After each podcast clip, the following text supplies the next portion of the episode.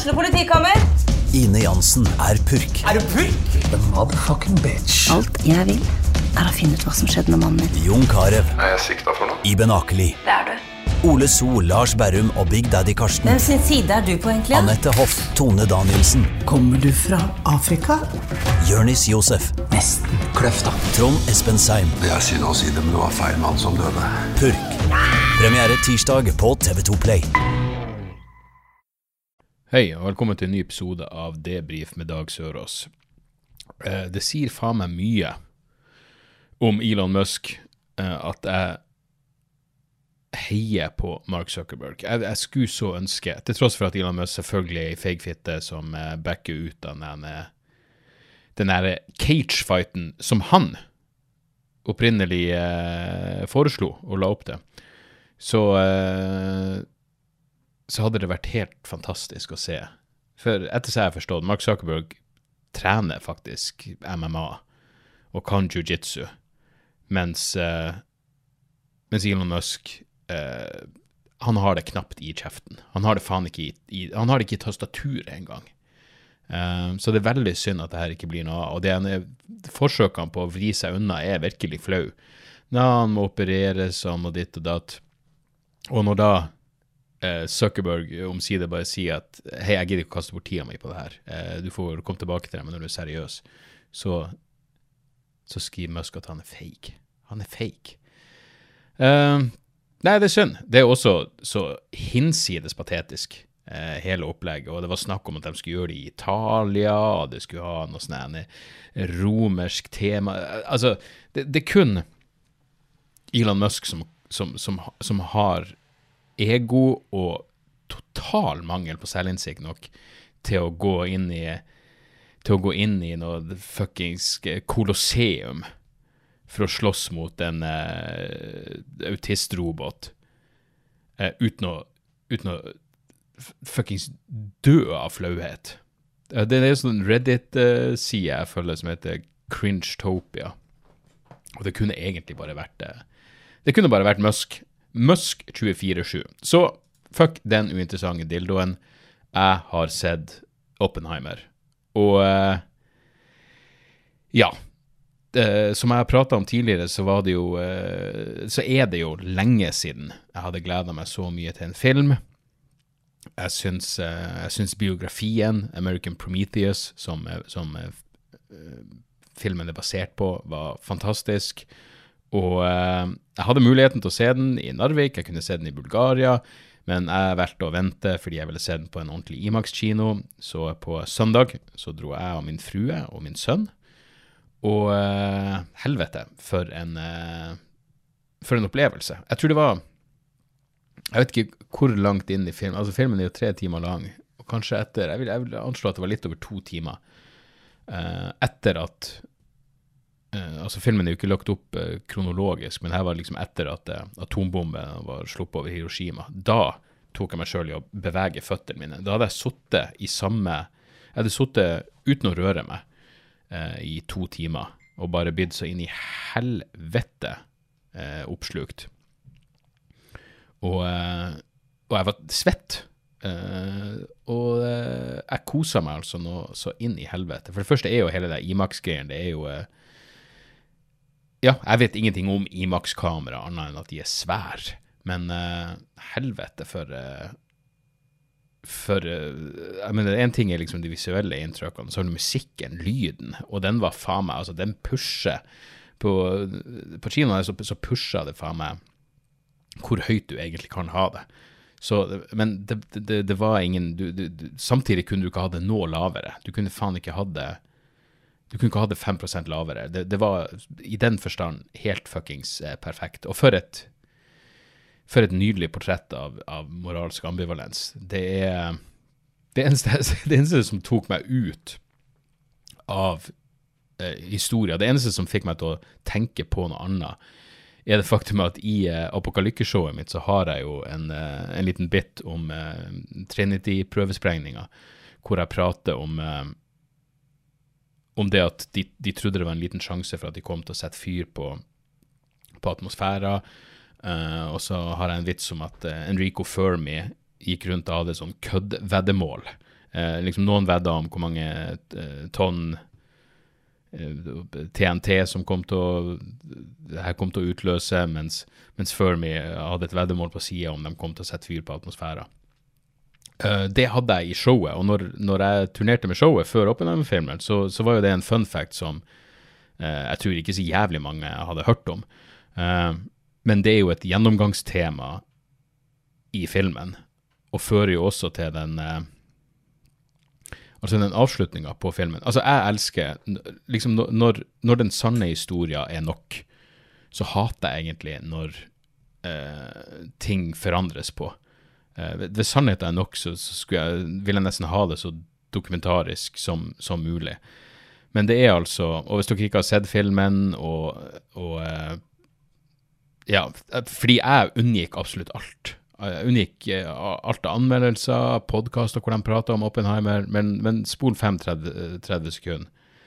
Men, men, det er altså i avslutningsscene med Oppenheimer og, og Einstein som er eh, perfekt og usann. Den har ikke skjedd. Altså, den, den, den, altså, det er deler av den samtalen som skjedde i en annen kontekst, men eh, den, avslutnings, de avslutningslinjene Einstein sin kommentar og så Oppenheimer sin kommentar, og så det visuelle som slår inn, var bare Det gjør at du bare blir sittende der i, uh, i, i fuckings stillhet.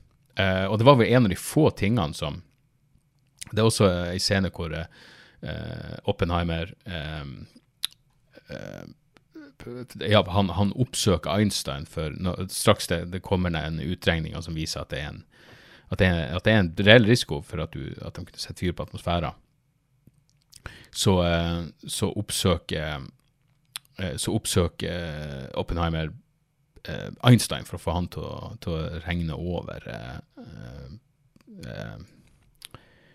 Se på de utregningene for å se om de stemmer. Uh, og det stemmer ikke. Jeg husker ikke navnet på han som Oppenheimer oppsøkte, men det var en, en, annen, en annen, fysiker. Men, men, i hvert fall uh, jeg, jeg, skjønner liksom filmatisk at de her uh, si, triksene, de her frihetene må tas. Men utenom det så var det faen meg Det var faen meg nært Eller, ja, det, det, var liksom Jeg kjente igjen alt fra, fra, fra boka. Så uh, Og så er det et par, par ting. Uh, Nå husker jeg ikke hva det var. Det var noen, jeg husker det var noen som hadde noe um, Det var faktisk tror jeg, flere kronikker om uh, Christopher Nolan sitt problem med kvinnelige karakterer. Og jeg syns i denne filmen så er det jo Altså hvis, hvis, hvis Igjen, nå husker jeg ikke hva det er i kronikkene. Nei, jeg leste dem ikke, forresten. Sånn var det selvfølgelig. Jeg unngikk det, for jeg vil ikke ha noen fucking spoilere. Men, men men uh, hvis, hvis, liksom er, hvis problemet er eh, Kitty Oppenheimer, så er det jo fordi hun fremstilles ganske uh, Hun stilles ikke i et godt lys gjennom, gjennom American Prometheus-biografien. Uh, vanskelig, selvfølgelig. Hard drikker. Dårlig mor. Jeg mener, det, det, kan jeg ikke tenke meg at hun ville benekta engang. Uh, og så er det selvfølgelig et aspekt som gjør at hun var vel ja, det som kalles ei bitch fordi hun var ei dame, og hadde, oppfør, hadde, hun vært en mann på den tida. Liksom Sterke meninger, sto på sitt. Men hun kommer jo bedre ut. Det er under den ene Faen meg skulle tro det var en Stalin-inspirert showtrial. Den høringa som Oppenheimer eh, måtte gå gjennom for å få sikkerhetsklareringa si, eller da de tok ifra han sikkerhetsklareringa, eh, så var jo kona hans et atskillig bedre eh, å si vitne eh, da hun ble avhørt så er jo hun fantastisk. Hun er jo det man skulle ønske Oppenheimer var. Han var jo eh, irriterende eh, defensiv. Og eh, lot seg jo eh, kjøre over. Eh, men, eh, men, jeg syns kvinnerollene også og Jeg har nevnt før at jeg har en evigvarende crush på det Florence Pugh, og den blir jo ikke det blir jo ikke akkurat mindre etter, etter Oppenheimer. En, jeg mener en mentalt ustabil übersexy kommunist. Det er jo noe man alle kunne føle for å treffe på i, i ungdommen. Men uh, Nei, og så var det et eller annet da, når, når, når, liksom, når, filmen var ferdig, så tror jeg det var en tilfeldighet, men det, jeg tror det gikk ett og et halvt minutt før lyset ble slått på. Altså um, liksom når creditsen kommer på slutten. Uh, så gikk det lang tid før lyset ble slått på, og det var perfekt fordi det var så mørkt at ingen røyste seg for å gå. og så Det gjør vel kanskje at noen tenker at det kommer mer. Eh, jeg tror bare det var noen som hadde glemt seg, og liksom, det kom igjen en fyr. For, derfor der måtte det komme en, På denne kinoen så må det en fyr fysisk ned og slå på lyset. Uh, men jeg liker å tro at det var fordi du skulle uh, Hva de kaller det i Aftenposten-podkasten? Tvungen refleksjon. Uh, at du faktisk skulle sett Der begynner den jævla forpulte trussel nøytralisert. Det er altså Avast som er Beklager hvis dere hører det der, dere også. Jeg vil tro at det er vanskelig å unngå. Jeg håper det ikke dukker opp med det. Men uansett, eh, det, er en sånn film du går ut, du er stille. Og jeg elsker at i publikum så var det alt fra pensjonister til ungdommer, og alle satt og holdt kjeften i tre timer.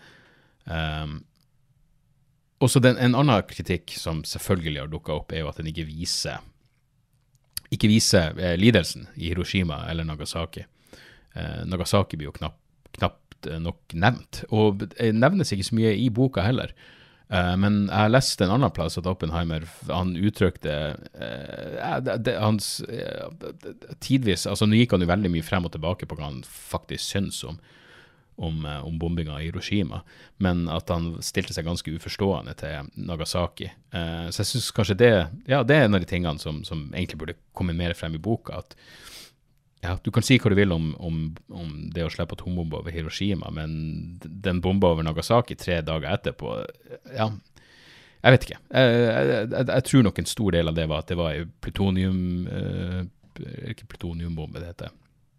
Eh, som, som, Det var en annen uh, Jeg må bare google så jeg ikke driter meg ut.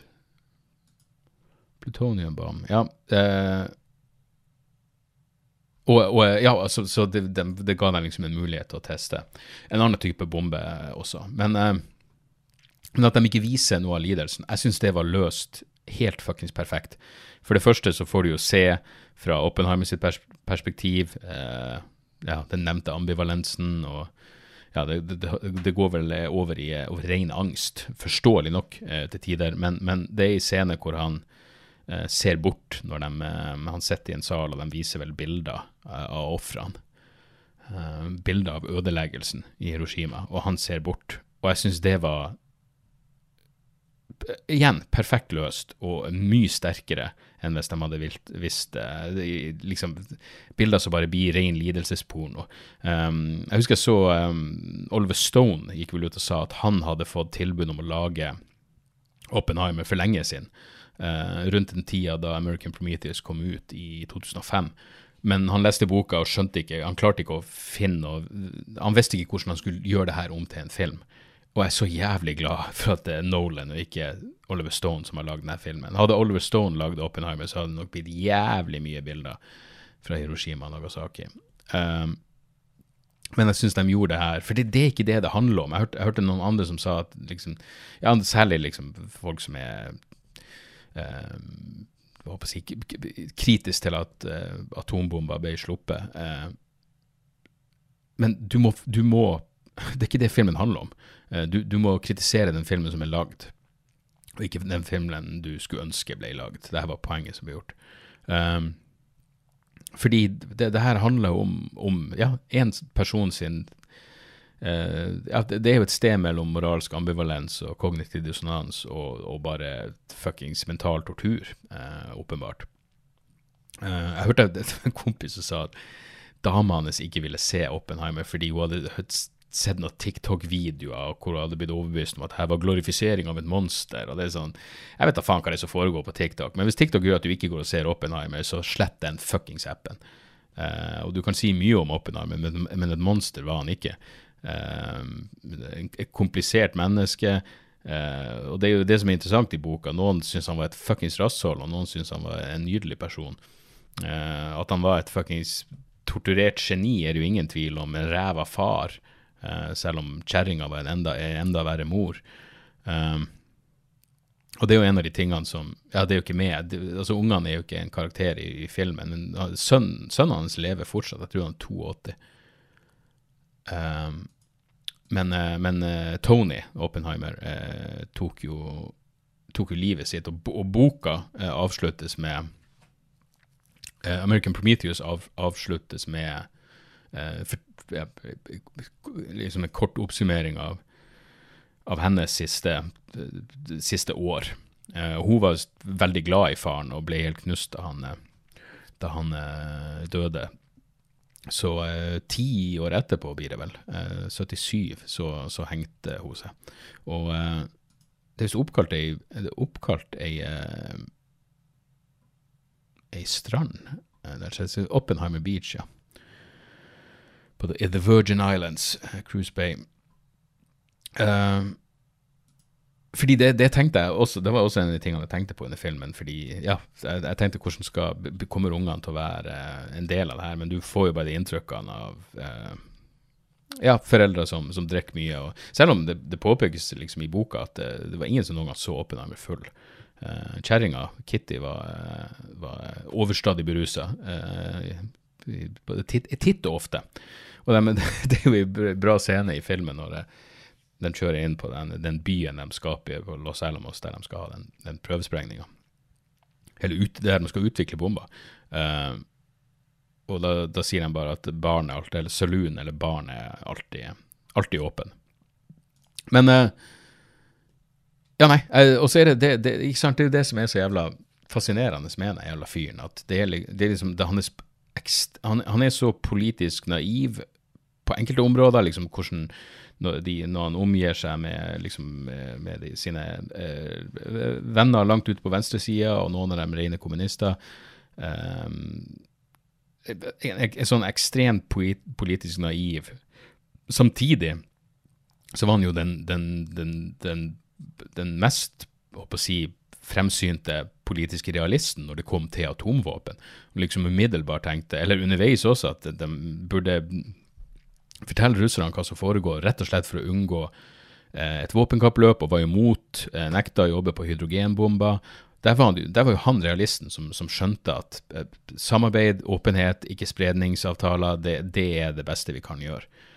Um, men, uh, men, den gang ei. Og så er det må se, er det didak didaktisk, for jeg må dobbeltsjekke at jeg vet, jeg går ut fra at det betyr at det ikke pålegger Altså for jeg, jeg ser det flere intervjuer. Jeg, jeg, blir jo veldig sånn eh, Skal vi se Nei, har jeg misforstått her? Altså, man kan si mye bra om eh, VPN, men det der at du får liksom søkeresultat på helt jævla andre språk hvis du bare googler ting, fordi uh, jeg er jo lokalisert en helt annen plass. Bare se hva didactic egentlig er på, på engelsk. For det som er gøy, er at Nolan har sagt i så mange intervjuer han blir som spurt, intended to teach, particularly in having moral instruction as an ulterior motive. Ja. Så, så, så å være eh, Jeg på å si åpenbar eh, og ha et, et, klart budskap som gjerne skal trøs nedover trynet på folk, eh, det har Nolan klart å unngå. Så han, han bruker ordet didactic, og så er det gøy å høre de andre skuespillerne eh, liksom bruker det samme eh, eh, Det samme ordet. Og, og, og der, der, skinner det ganske tydelig gjennom at OK, jeg, jeg, jeg, jeg vet da faen. Matt Damon, er Killian Murphy. Det kan godt hende han vet hva didaktisk er, men når du liksom hører Emily Blunt eller, eller eh, uh, fuckings Matt Damon bruker akkurat det samme ordet. Så jeg sa jeg tror jeg vet hvor dere fikk det ifra. Uh, så var det mulig det var litt urettferdig at det, det YouTube-klippet De hadde ikke klippet dem etter hverandre, men det var liksom en sånn halvtimes behind the scenes-greie. Og alle fire brukte ordet at det her ikke var en didaktisk film. Uh, og det er ikke det. Og heldigvis. Det ville gjort det til en helt annen film hvis du skal ha noe fuckings uh, Noe aktivistgreie som bare skal vise hvor jævlig atombombinga var, um, og konsekvenser. Så ja, det ville vært en annen type film. Uh, jeg, gå, jeg, vet at den type bøker finnes, og det er garantert den type dokumentarer også, men det her er en annen. Og uh, igjen, man kommer tilbake til det ordet. Det, det er noe uh, dypt menneskelig, og det er jo ei, det, det er ei sprø historie. Og helvete hvor jeg koser meg. Uh, altså, jeg, jeg, kommer ikke utenom, liksom Jeg, jeg, måtte, rulle en, jeg måtte rulle en sekser. Uh, sønnen min, Sander, hang med de to første timene, og så detter han av. Altså, den siste Altså, jeg skal innrømme at det faller litt i både intensitet og sånn den, den siste timen, når det liksom For da blir det mer, litt mer lineært og fokuserer mye på denne på den eh, ja, showtrialen, denne, denne høringa, hvor de tar for han eh, sikkerhetsklareringa. Men eh, nei, fuckings eh, knall. Eh, og det er jo det er noe interessant med det. Så jeg var på eh, Det var vel før sommerferien, så var jeg oppe på, på Setermoen og hadde show for eh, Panserbataljon. Uh, faen, hva er det slags vits jeg hadde der? Jo, for det, jeg, tror, jeg tror Panserbataljonen har en mink som, uh, som, som, som maskot eller logo. Fordi minken er slu og slu og nådeløs og hva enn det var for noe. Så måtte jeg bare si, hvis minken er så slu og nådeløs, hvorfor ender så mange av dem opp i, på kåpa til Tix? Jeg vet ikke om det er det.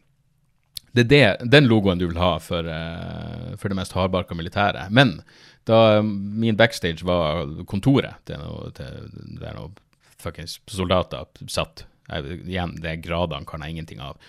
Uh, men, uh, men, uansett, de hadde ei bokhylle der, og i den bokhylla så sto faktisk uh, The Doomsday Machine av Daniel Ellsberg. Daniel Ellsberg som uh, lekte ut The Pentagon Papers, en, en ekte fuckings helt som, som daua for noen måneder siden. Men han skrev en bok om, om ja, de, de, hadde noen helt sinnssyke planer og utregninger på hvis de bare skulle ta ut meg, store deler av Sovjetunionen med atomvåpen. Hvor mange våpen ber de å trenge? Og, og det er det, det, er jo det der Det må være jævlig vanskelig liksom være med på å utvikle noe. Du vet at det er et militært formål, du vet hva det skal brukes til, men når du har lagd det, ser det ut av dine hender, liksom. Og det er jo på en måte kan du da fraskrive deg ansvar. På den andre sida så og det tror jeg faktisk eh, jeg, jeg, hørte et intervju med en, eh, en historiker som har skrevet en bok som heter 'Road to Surrender', som, som, hvor, hvor, det er åpenbart at denne historikeren, Evan Thomas, tror jeg han heter, eh, virkelig støtta støt, støtta bombinga, men han skrev, han, han skriver liksom at Eller han sa i et intervju at ja, Truman hadde Uh, i, måten Truman fremstilles på i, uh, i Oppenheimer-filmen, så er han jo veldig uh, tydelig. og Han sier liksom The buck stops here, og han tar ansvar. og det, det her, det, det, Ansvaret starter og slutter med han. Men privat, i dagbøker og i samtaler med andre, så var det visst Det var litt, litt ambivalens hos, hos, godeste Truman også. Selv om han vel aldri uttrykte noen form for, for anger for, for, det de gjorde. Men Nei, faen, altså. Det, det enkelt. Av og til så er film eh, helt fuckings magisk, og Oppenheimer levde opp til forventningene, og det sier faen meg mye. Eh, jeg måtte også Det dukker rare ting opp i hodet. Det er ikke i filmen, men liksom et av argumentene for å, for å, for å slippe, atom, for, ja, for å slippe atombomben, var jo for å slippe en amerikansk invasjon av, av Japan. Eh, og da, og da er et av argumentene også sånn Men da ville vi da, Og igjen, alle snakker sånn absolutt som om det er ingen vei utenom, men, men da ville Japan blitt um, sulta. Utsulta. Og så var det noen som påpekte at eh, på den tida så levde den gjennomsnittlige japaner på 1500 kalorier per person per dag. Som er akkurat det jeg prøver å gå for når jeg liksom skal desperat prøve å slanke meg etter en fuckings uh, utagerende ferie. 1500 eh, kalorier går relativt greit. Altså, du skal ikke, jeg vet ikke, etter, etter flere år så blir du vel eh, potensielt underernært. Men igjen, det kommer an på hva de kaloriene eh, består av. Men det er jo noe, det er noe annet med, med, ting når det er, når det er, når det er ekte. Og, og, det er jo det som skiller. Sånn som jeg, det, det, var, jeg tror det var Very Bad Wizards-podkasten som hadde en episode om hvor de prater om om man tenker over hva som skjer med fiktive karakterer etter at filmen eller serien eller boka er over, og det gjør jeg aldri. Jeg sitter aldri og spekulerer på eh, liksom Ja, jeg vet da faen. Sopranos, liksom. Ble Tony Sopranos skutt? Ja, jeg, jeg, jeg, kjøper den ideen at han faktisk blir skutt på slutten, men det er ikke som jeg ofrer en tanke til å, hvordan blir det å gå med dattera hans da, og sønnen hans og Carmella og og kompisene og det, liksom, det, det, det, faller meg ikke inn. Når, når, når fiksjonen er over, så stopper det der. Jeg har ikke noe, Den type fantasi har ikke jeg. Uh, men det er også det som gjør at en sånn biopic-film, uh, særlig en film som det her, som er såpass uh, tett opp til, til virkeligheten, og, og, måten Det må jeg også bare si, faen, altså. Måten den Visualiseringa av og ikke minst lyd spiller jo inn her, men den, den prøvesprengninga, fuck, altså. Det var eh, det, det, var intenst lagd. Helt fuckings fantastisk. Og jeg, jeg, kan ikke se for meg noen som ville gjort det her Ville gjort det bedre. Det, det, det er noe bra med, med en god regissør. Helvete, altså. Uh, og når vi er inne på det, William Friedkin, uh, mannen blant annet regissøren bak 'Eksorsisten' og 'French Connection' og flere klassikere. Han eh, vandra jo også nå for Helvetes jævla Straks jeg prøver å gå inn på nettet, så kommer den fuckings lyden. Jeg skal virkelig se til at det der ikke dukker opp neste gang. Skal vi se jeg, jeg skjønner ikke Ja, uansett. Eh, William Friedkin daua, og Men da, da, leste jeg at han han eh, hata alle eh, Eksorsisten-oppfølgerne som kom. Det var liksom bare den første som var den ekte. Og jeg ser den. Eksorsisten 2 vet jeg ærlig Jeg er faen ikke sikker på at jeg har sett den, men det er ingenting som tyder på at det er annet enn et, eh, et makkverk. Men Eksorsisten 3 er jo en fuckings dritbra film. Det er jo en eh, en smålegendarisk film. Altså, 'Eksorsisten 3' har en av de scenene som har skremt meg mest noen gang. Eh, og det er mulig jeg fortalte det før, men det var jeg og en kompis, jeg og Rolf Øystein satt og så på 'Eksorsisten 3', og jeg skulle Så vi hadde leid den, og da hadde du vel Hvordan var det igjen? Du hadde vel en film et døgn, tror jeg. Det var jo faen meg stort, det å gå inn på ei videosjappe og lese bak på coverne og alt det der. Men uansett, vi hadde leid 'Eksorsisten 3'. Han var alene hjemme. Og så måtte jeg dra halvveis i filmen. Uh, så jeg stikk hjem, og han klarte ikke å dy seg, så han satt og så videre. Og så ringte han meg og sa bare faen, altså, du må komme opp igjen. Og jeg var sånn, hva som skjer? Han bare jeg, så videre, og du er nødt til å komme opp. Kommer tilbake, og da er det den scenen hvor uh, et hode klippes av uten at, den, uten at det, det, er ingenting grafisk, det er bare så fuckings bra filma. Og kommer så ut av intet, uh, den scenen på sykehuset. Exorcisten 3 er fuckings gull. Uh, så sorry, Sorry, Mr. Fridkin, men der, tar du, der, tar du, feil. Så ellers, uten det Ja, eh, dere skjønner jo at det er litt som atombombe i hodet mitt akkurat nå, men, men utenom det, så Jeg hadde ei latteruke som var veldig gøy. Um, digg å få testa ut litt nye ting. og digg å få spissa et par ting som jeg har i Apokalykkeshowet. Jeg starter jo opp turneen igjen 8.9. og gleder meg nå så inn i helvete. Så gå inn på dagsoras.com og sikre dere billetter, for det kommer til å bli eh, jævlig bra. Så får jeg heller bare skrive om den lille atombombevitsen min. Og en ting jeg også selvfølgelig kommer til å prate om, er jo koranbrenning. Og det er, det er faen meg For det første, det er jo interessant der å se at, at det skal liksom kobles om mot uh, russerne. Altså, det var ei sånn uh, tekstmelding som ble sendt ut til uh, norske telefonnummer. Uh, jeg vet ikke om det skjedde i, i, Sverige og Danmark også, men i hvert fall sendt ut meldinger til norske muslimer uh, som det påstås var fra uh, Hizbollah i Libanon. Og, og, Iran i høyeste grad, som oppfordrer til hevn for koranbrenningen. Og så tror de eller i hvert fall det som har blitt insinuert, er at det her er russiske hackere som står bak. Og det gir jo mening. altså Det ville vært en smart måte å lage litt og lage litt styr. Styr hos fienden. Men det er altså Ja, igjen, jeg, jeg vil ikke ta for mye av det her fordi jeg blir å prate om det i showet, men, men det er altså noe Altså, folk mister totalt En av de, en av de mest absurde eh, kronikkene jeg har lest, og det har vært mye på trykk om det her, um, en, en, han skrev bare under med ph.d. i filosofi, så han har en doktorgrad i filosofi. Og så argumenterer han for at koranbrenning kan forbys på samme måte som uh, Det han sammenligna det med, var uh, tidligere uh, Jeg lurer på om, jeg husker ikke om, om, det her var i Norge eller om det var i England, men, men det var preemptiv Hva det heter preemptiv? Altså stoppe trøbbelet før det starter med voldelige fotballsupportere, hvor de bare arresterte fotballsupportere på vei til fotballkamp fordi de visste de kom til å lage helvete. Så hans argument er da Hvorfor kan vi ikke gjøre det med de som skal brenne en koran? Du vet at de har dårlige intensjoner, og eh, bare stopp det på forhånd.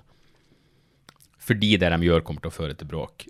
Og så er det sånn Hva med å stoppe motdemonstrantene da på forhånd? Er ikke, er ikke det det logiske i det her scenarioet, egentlig? At du stopper potensielt eh, eh, islamister eller venstreekstremister eller hvem enn, som, som kanskje kommer til å Fordi, si hva du vil, men det å brenne i bok er ikke en voldshandling. Sånn er det bare. Og så er det også denne ideen om at, at muslimer er i folkegruppe, som jeg syns er veldig veldig rar. Det var en tidligere politimester i Bergen som hadde en, en kronikk om det, at dette krenker folkegruppe og burde dermed gjelde som hatkriminalitet. Det er imponerende hvor, uh, hvor prinsippløs og korttenkt mange klarer å være. Presumptivt oppegående mennesker klarer å være eksepsjonelt lite gjennomtenkt i argumentene sine.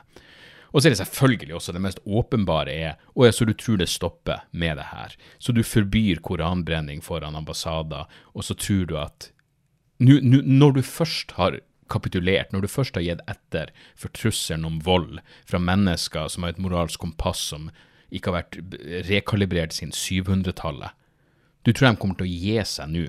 Altså, det er bare så inn i helvete dumt.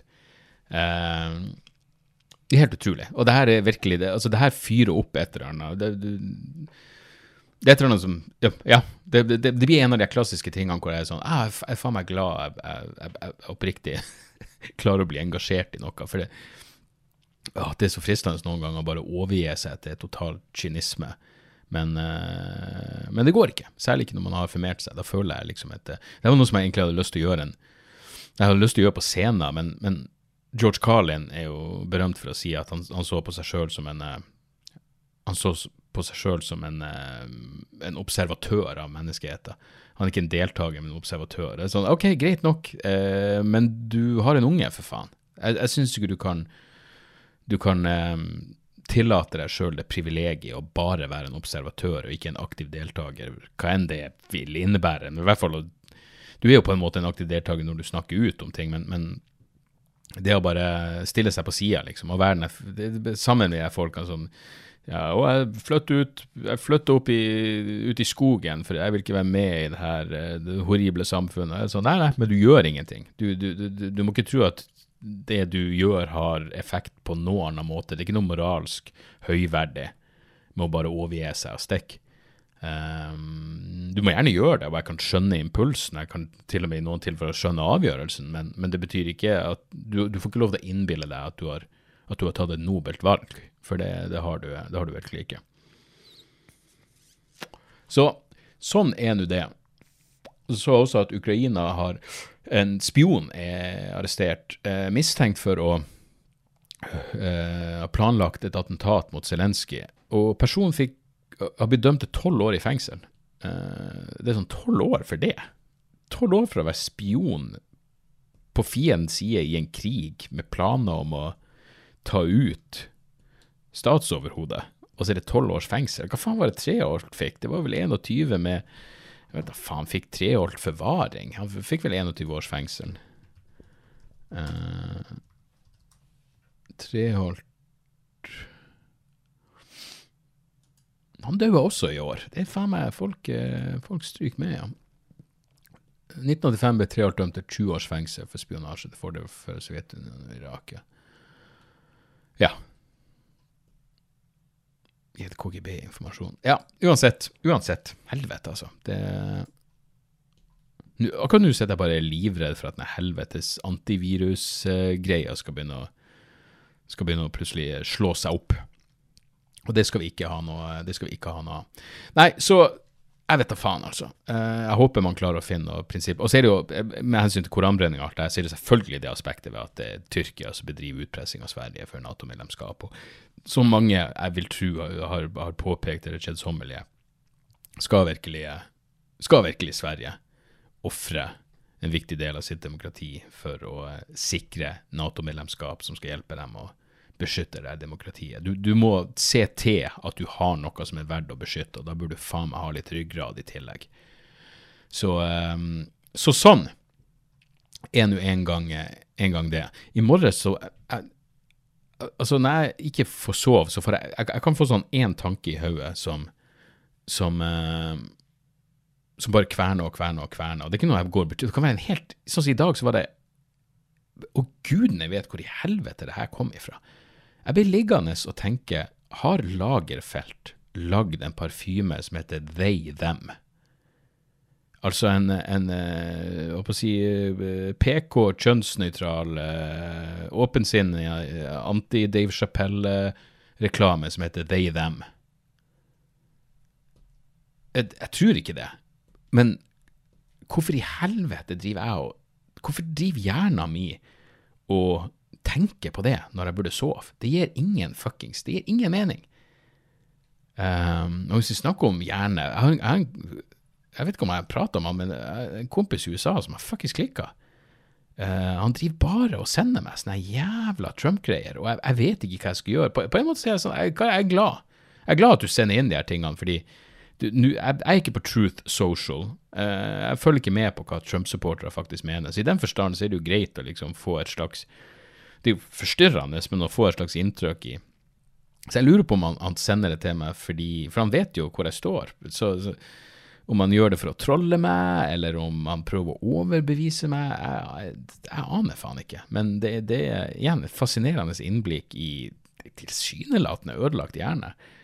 Um, og det skal jo bli spennende å se nå. De, de siste tiltalene i faen var det Georgia, så var vel en av de viktigste aspektene ved den tiltalen mot Trump er jo at er jo at han Hvis han blir dømt der og får fengselsstraff, så kan han ikke kan han ikke benåde seg sjøl. Uh, som er spennende. Det er jo fortsatt Jeg, jeg klarer liksom Det, det, det er så mye uh, hva, er det sitatet? Det er lettere å se for seg jordas undergang enn slutten på kapitalisme. Det et eller annet sånt. Det, men det, det, det, er umulig å se for seg Trump i fengsel. Men uh, det hadde jo vært fuckings et, et magisk lite Et, magisk eh, det, det er til tross Hvis jeg virkelig strever, så klarer jeg å se for meg at fengselsceller går igjen. Eh, at døra lukkes bak Trump. Men det er, det er jævlig vanskelig. Det er jævlig vanskelig. Eh, og så vil jeg jo kun at han skal dømmes hvis han faktisk har gjort noe galt. Og så vet jeg Alle de, eh, alle de meldingene jeg får fra Elliot i USA, uh, prater om ei heksejakt. Så da må jeg jo bare tro at det her er, det er hek heksejakta som gir og gir og gir, og, og aldri, tar, aldri tar slutt. Uansett, Uh, denne uka så har jeg Jeg har ikke noe jobber. Vi gjør noe Jeg, jeg, har, jeg noen småting, jeg har noen klubbgreier, men, men altså først og fremst så er det turneen Turneen eh, i september som jeg, som jeg gleder meg noe så inn i helvete til. Og så er det selvfølgelig Jeg skal være med på roasten av Sofie Elise på uh, Sentrum Scene 30. august, og det kan jo uh, Det kan jo bli noe. Uh, det her føles vel som den første rosen på lenge hvor det faktisk er mye å ta av. Jeg husker da vi roasta Northug i Trondheim, så tenkte jeg sånn «Ah, det her er liksom, det her er et bra En bra roast, håper å si offer, skråstrek, gjest, eh, æres eh, Ja, hva enn. Eh, Nå sugde jeg Jeg husker at jeg sugde på den Northug-roasten. Jeg, jeg var dårlig der. Men eh, men Sofie Elise er jo selvfølgelig Her er det mye å, å ta av. For av og til så er det sånn Hvorfor skal vi roaste denne personen som liksom karrieren deres er nettopp begynt? Det skal, skal ikke folk roastes på veien ned, men med Sofie Elise Det er ingenting som tyder at hun er på vei ned, og det er en fin samling folk. Så det, og, og Trude Drevland er der, helvete, altså. Trude Drevland er, skal bli eh, interessant å å måtte forholde seg til som et, som et virkelig menneske. Så, så jeg gleder meg til det. Det blir, det blir spennende. Um, ja. Det tror jeg var eh, Det jeg var det vi, eh, vi rakk. Um, som sagt, eh, og som, som det er åpenbart nå, så kommer podkasten på, eh, på onsdager eh, fremover. Eh, på tirsdager, for de av dere på Patrion. Jeg spiller det her inn eh, relativt seint, snart onsdag.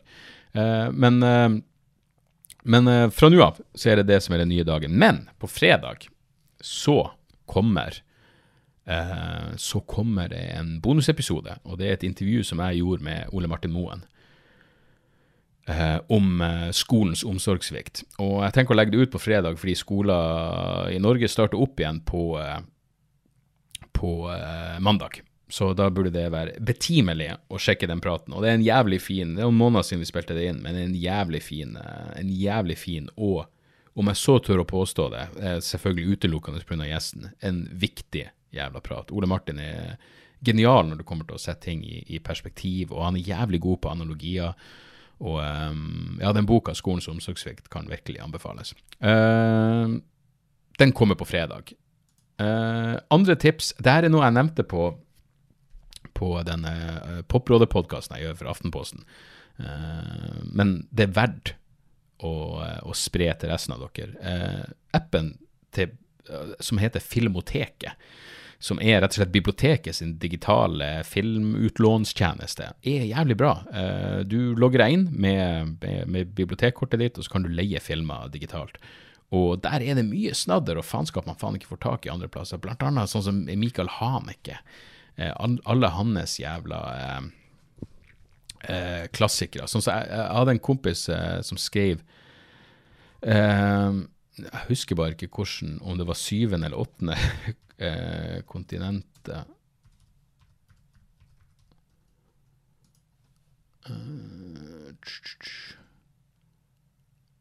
ikke syvende Er det ikke syvende kontinent? Ja, syvende Syvende kontinentet fra 1989. Um, ehm, en kompis som jeg visste klipp En kompis som jeg skrev eh, skrev masteroppgave i filmvitenskap om selvmord på film. Og da visste han i scener fra det syvende kontinentet. Det er en fuckings grim film. Helvete. altså Hanek er jo sjelden eh, en dans på roser og uh, livsbekreftende glede, men, men syvende kontinentet er vel faen meg det mørkeste han har gjort. Uh, utenom kanskje ja, Funny Game, selvfølgelig. Men, uh, men, uansett, det ligger masse Michael Haneke-filmer. Jeg tror Bennys video er der, og The White Ribbon, og ja, Mor var jo faen meg Han er gull. og Flere av filmene hans, i tillegg til masse annet snadder, ligger på Filmoteket. Så det er en liten, en liten life hack der. I tillegg til alle liksom, streamingtjenestene der, Um, så, så, kan Filmoteket anbefales. Uh, og serien Bupkiss, eh, med, av alle i verden, fuckings Pete Davidson eh, den er gøy. Jeg, jeg likte den. Den er veldig enkel. Eh, altså enkel underholdning i uh, forstand av uh, Og det er, vel, det, er, det er, vel, Pete Davison som til en viss grad spiller seg sjøl, men det er allikevel verdt å se. Og fuckings Joe Pesci er med. Joe Pesci var mitt Jeg mener, da gudfaren kom Jeg var, jeg var en lav jævel helt frem til jeg begynte på videregående. Så det at Joe Pesci var så liten og badass i Goodfellas og Casino, for den saks skyld, jo at han, han, han, var rappkjefta og liten, og det var noe jeg kunne identifisere meg med, selv om jeg ikke hadde selvtillit nok til å være rappkjefta overfor noen andre enn de som kjente meg godt. Men jeg digga faktisk Joe Pesci, og han er, han er dritbra. Han spiller vel onkelen til Pete Davidson. Uh, fin, fin komiserie. Uh, ligger på Sky Showtime. Uh, og så musikk. Den nye skiva til The Hives, The Death of Randy Fitzsimmons. Altså, den har gått Det er det jeg har hørt på siden, siden den kom ut den er altså en sånn jævla fest av ei skive. Og jeg må innrømme at The Hives, da de var store, så var det i den tida når jeg bare hørte på når jeg bare hørte på, på metal. Så jeg fikk egentlig ikke med meg eh, Jeg gikk glipp av så jævla mye bra rock eh, på grunn av eh, at jeg var så monomanisk opptatt av, av metal. Men, men så selvfølgelig ettertida ettertid har jeg jo uh, innsett det geniale med The Hive. Så de spilte jo på Jeg husker da, da, jeg hadde standup på den stereofestivalen i, i Trondheim, jeg og uh, Jan Tore. Uh, jeg husker ikke så mye av konserten, det var, det, det, det var, en fuktig affære. Men da spilte jeg The Hive, så det var vel i 2019. Men nå er de ute med en ny skive, og den er helt fuckings altså Den Bogus Operandi-singelen som kom, var jo bare perfekt. Og det er altså Det er bare Det er fest det er ren fest. Two Kinds of Trouble, faen for en lås, Crashing Into The Weekend, The Bomb, What Did I Ever Do To You, Trapped or Solution, Count Out To Shutdown. Jeg mener alle Rigor Mortis Radio. Jeg tror faen meg alle låtene jeg ser på spillelista her, alle tolv låtene, er fuckings helt nydelige. Og, uh, og den klokker inn på 31 minutter og 26 sekunder. Det er, det er nøyaktig sånn fuckings garasje rock'n'roll skal være. Og uh, fy faen, altså. Det her, det her, er et comeback som ikke engang Som ikke engang det, det, er ikke en hint av flauhet i The Hive sitt, sitt, sitt comeback-skive. Fuckings knall. The Death of Randy Fitzsimmons. Uh, fy faen. Helt fuckings konge. Og som perfekt skive. Jeg bare gleder meg allerede til å ha den på backstage før jeg skal på scenen. For det er akkurat sånn der. Det er akkurat det jeg trenger rett før jeg skal på. Og så et lite boktips. Uh, Julia Ebner har en bok som heter Going Mainstream, som er som handler om hvordan ekstremisme har blitt, uh, har blitt mainstream. liksom. Uh, Antivaksere, QAnon, fuckings inceller, nynazister. Uh, her er jo en del av de tingene som uh, det her er et, et eksempel på det som, som, uh, som Hva faen var det begrepet som ble brukt av om Elon Musk? Ikke at han er en Ah, fuck. Jeg skal finne det, for jeg husker at det var Nick Cohen som skrev det. Musk, fascist Musk, fascist var det pro... Nei, ikke proto. Prefascist. Protofascisme. Ja, er liksom hvor han argumenterer for at, at, en av de tingene Elon Musk gjør, er liksom å, å nekte for at fascisme eh, egentlig eksisterer som, eh, som, et, eh, som, et, begrep. Hvis dere, hvis dere bare googler Nick Cohen, eh, pro, The Proto-Fascism of, of, Elon Musk Uh, Men han, Elon Musk er et perfekt eksempel på en som gjør eh, ekstremisme eh, mainstream, med å dele en masse galskap fra QAnon til Antivax osv. osv. osv.